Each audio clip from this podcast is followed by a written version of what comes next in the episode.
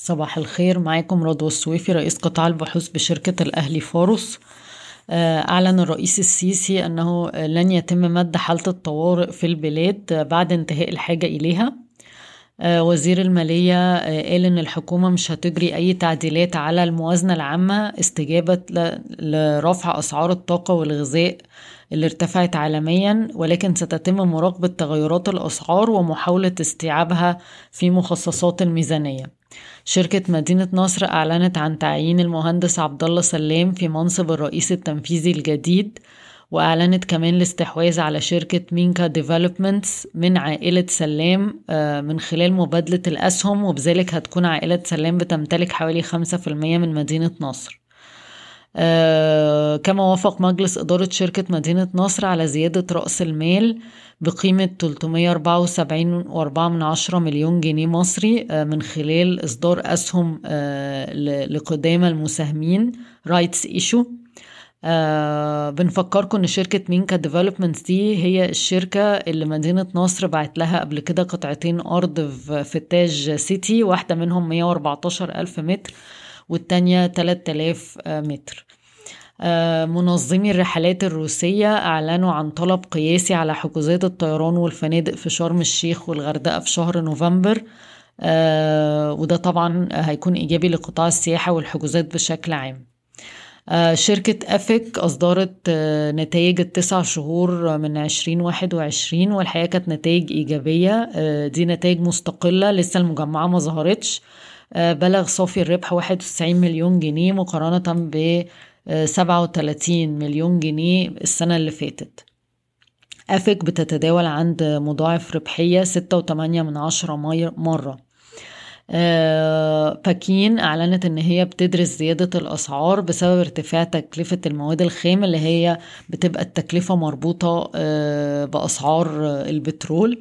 أه وباكين بيتم تداولها عند مضاعف ربحية ستة وسبعة من عشرة مرة لسنة واحد وعشرين اتنين وعشرين. اسكندرية لتداول الحاويات أعلنت نتائج صافي الربح فيها مرتفع ولكن العدد الحاويات اللي تم تداولها الحقيقة كان منخفض ويمكن من أضعف الأرقام اللي شفناها كعدد حاويات تم تداولها. صافي الربح بلغ 336 مليون جنيه في الربع الأول من 21 22 بارتفاع 21% بس عدد الحاويات كان 181 ألف حاوية في الربع الأول وده أقل رقم شفناه بقالنا كذا سنة. وألكسندريا لتداول الحاويات بنفكركم إنها هتلقى منافسة شرسة. بعد دخول شركات لوجستية جديدة في نفس المينا معاها.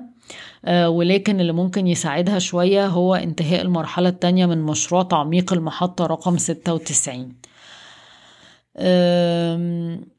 بالنسبة لشركة إيديتا الرئيس التنفيذي قال إن ربحية الشركة مش هتتأثر سلبا بضعف القوى الشرائية لأن الشركة لديها بدائل تحاول تحافظ بيها على الإيرادات.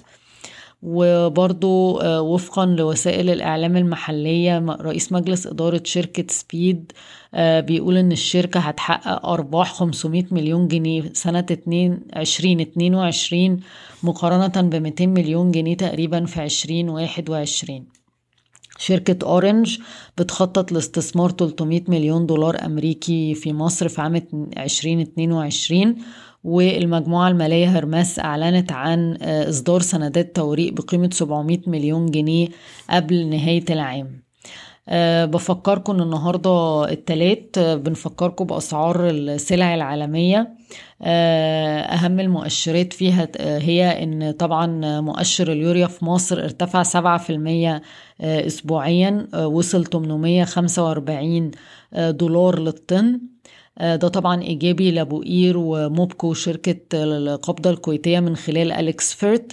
ارتفعت أسعار البولي إيثيلين بنسبة 2% وصلت 1340 دولار. وصلت الصودا الكاوية 534 دولار ارتفاع 2% انخفض الألمنيوم 10% في الأسبوع اللي فات ورجع تاني عند 2870 دولار.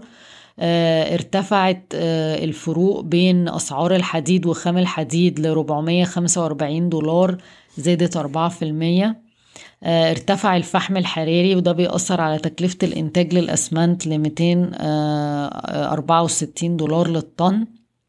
البولي بروبيلين برضو ارتفع خمسة في المية وصل ألف وعشرين دولار. بشكركم ويوم سعيد.